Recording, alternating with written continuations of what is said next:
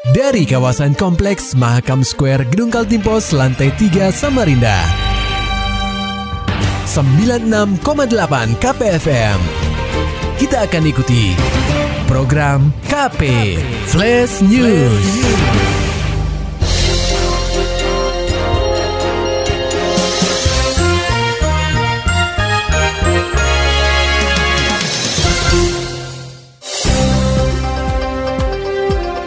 Anda sedang menyimak program KP Flash News bersama saya Agung Pratama. Pendengar KP, sulitnya mendapatkan bahan bakar minyak atau BBM solar subsidi. Tak hanya dirasakan oleh supir truk, nelayan di kota tepian turut merasakan hal serupa belakangan ini. Hal tersebut terjadi karena stasiun pengisian bahan bakar Banker atau SPBB yang berlokasi di tepi Sungai Mahakam, tepatnya di Jalan 79, Kampung Ketupat, Kelurahan Masjid Samarinda Seberang, sudah tak beroperasi beberapa pekan ke belakang.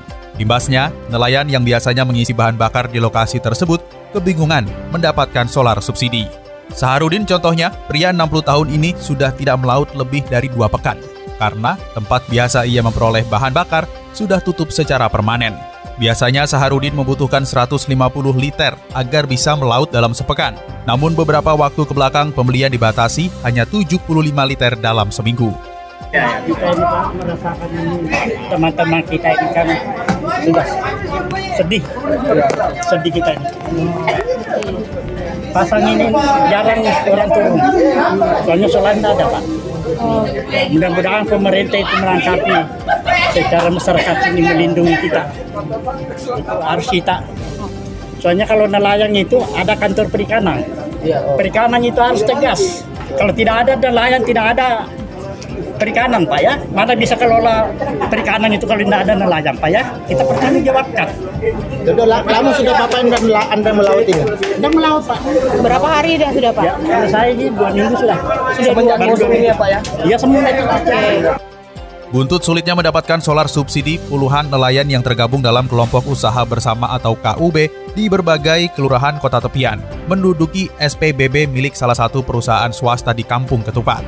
Koordinator aksi Muhammad Ali membeberkan sebanyak 300 nelayan yang sudah terdaftar dan tergabung dalam berbagai KUB di wilayah pesisir sangat bergantung kepada SPBB ini. Selain letaknya yang strategis, SPBB itu merupakan satu-satunya tempat pengisian bahan bakar yang melayani para nelayan selama ini.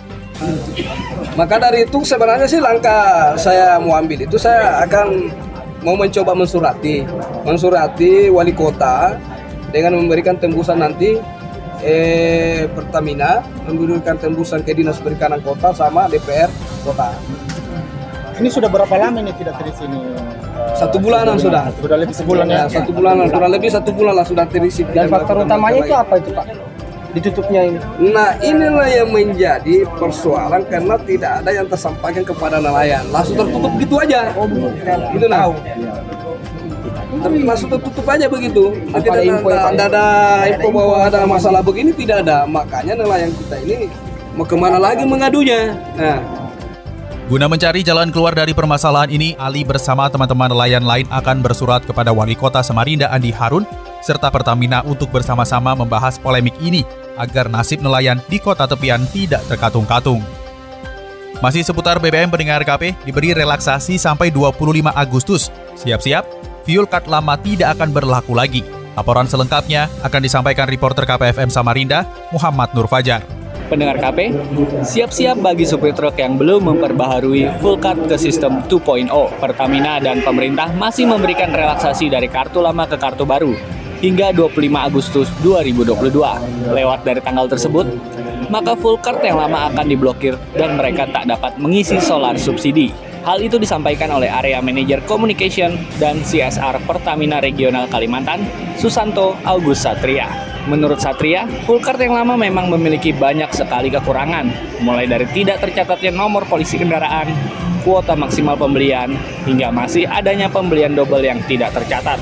Oleh sebab itu, sejak Mei lalu, terbitlah Full Card 2.0 dengan sistem pencatatan yang lebih akurat, kuota pembelian yang lebih menyesuaikan tangki kendaraan, serta sistem pengawasan baru dari pemerintah, dalam hal ini lewat Dinas Perhubungan masing-masing wilayah. Satria menjelaskan, untuk mendapatkan Full Card 2.0 terbilang mudah, namun karena ada keterlibatan pemerintah dalam memverifikasi kendaraan, maka berbagai syarat seperti wajib lolos uji kir patut dipenuhi oleh supir truk.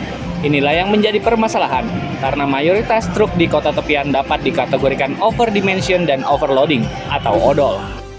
Itu tuh uh, taat taat aturan.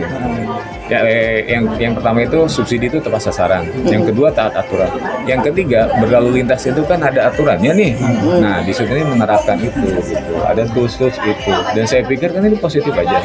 Dia bertanggung jawab. Di sini kan bertanggung jawab terhadap misalnya ada kecelakaan uh, angkutan misalnya truk atau apa pun lah itu kan pasti yang dicari di sub nih kira-kira bener nggak nih uh, mobil ini uh, masih masih berlaku nggak masakirnya gitu-gitu itu loh muatannya sebenarnya di situ gitu Lantaran sudah menjadi aturan baku dari pemerintah, Satria mengimbau agar para sopir truk bisa mengikuti aturan tersebut dan mengganti kartu lama ke full card 2.0 untuk mendukung pihaknya dalam pengawasan solar subsidi agar distribusinya bisa tepat sasaran. KPFM Samarinda, Muhammad Nur Fajar melaporkan. Berita selanjutnya datang dari dunia ekonomi. Warna baru, BI luncurkan 7 uang kertas edisi 2022. Beritanya disampaikan reporter KPFM Samarinda, Maulani Al-Amin. Bank Indonesia resmi meluncurkan uang rupiah kertas baru tahun emisi 2022. Terdapat tujuh pecahan uang kertas baru. Masing-masing uang memiliki gambar pahlawan yang berbeda.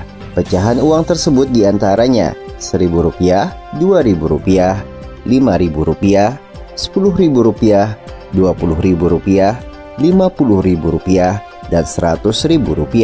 Kepala Kantor Perwakilan Bank Indonesia Kaltim Riki Perdana Gozali menerangkan, Penggantian lembaran uang baru ini diatur dalam undang-undang. Ia menyebutkan pihaknya telah melakukan berbagai analisa, mulai dari ketahanan dan kekuatan material kertas hingga keamanan. Pemalsuan uang terbaru diklaim akan lebih sulit. Lakukan perbaikan dari sisi durability atau kekuatan dari uang tersebut. Itu pecahan yang dilakukan adalah mulai dari 1000 sampai dengan 100.000 untuk tahun 2022 ini. Dengan demikian diharapkan uh, peran dari Bank Indonesia terutama rupiah ini masyarakat dapat memegang rupiah ini bisa lebih baik lagi dan menjadi kedaulatan NKRI melalui rupiah. Riki melanjutkan masyarakat dapat menukarkan uang pecahan lama dengan yang baru di Bank Indonesia atau perbankan lainnya atau mengunjungi laman pintar.bi.go.id untuk menukarkan secara daring. Gubernur Kaltim Isra Nur turut menyaksikan acara bertajuk peluncuran dan penyerahan token of appreciation uang rupiah tahun emisi 2022 tersebut. Secara simbolis, orang nomor satu di benua etam itu menerima uang pecahan Rp100.000 dari Bank Indonesia. Nomor seri yang diberikan Bank Sentral tersebut sesuai dengan tahun lahir Gubernur Isra Nur. Indonesia yang pada hari ini meluncurkan token appreciation rupiah tahun emisi 2022. Tadi secara formal saya serahkan kepada keluarga besar keturunan para pahlawan bangsa Indonesia di Jakarta yang kita saksikan bersama-sama. Di Kalimantan Timur juga sudah dilaksanakan secara formal dengan penyerahan ke gubernur Kalimantan Timur. Tapi uang ini tidak bisa digunakan, tidak bisa dibelanjakan, disimpan sampai mati. KPFM Samarinda, Maulani Al-Amin melaporkan. Maulani Al-Amin, Muhammad Nur Fajar, KPFM Samarinda serta dapatkan berita-berita selengkapnya di www.968kpfm.co.id. Demikian tadi telah kita simak rangkaian berita-berita yang terangkum dalam program KP Flash News. Persembahan dari 96,8 KPFM. Terima kasih dan sampai jumpa.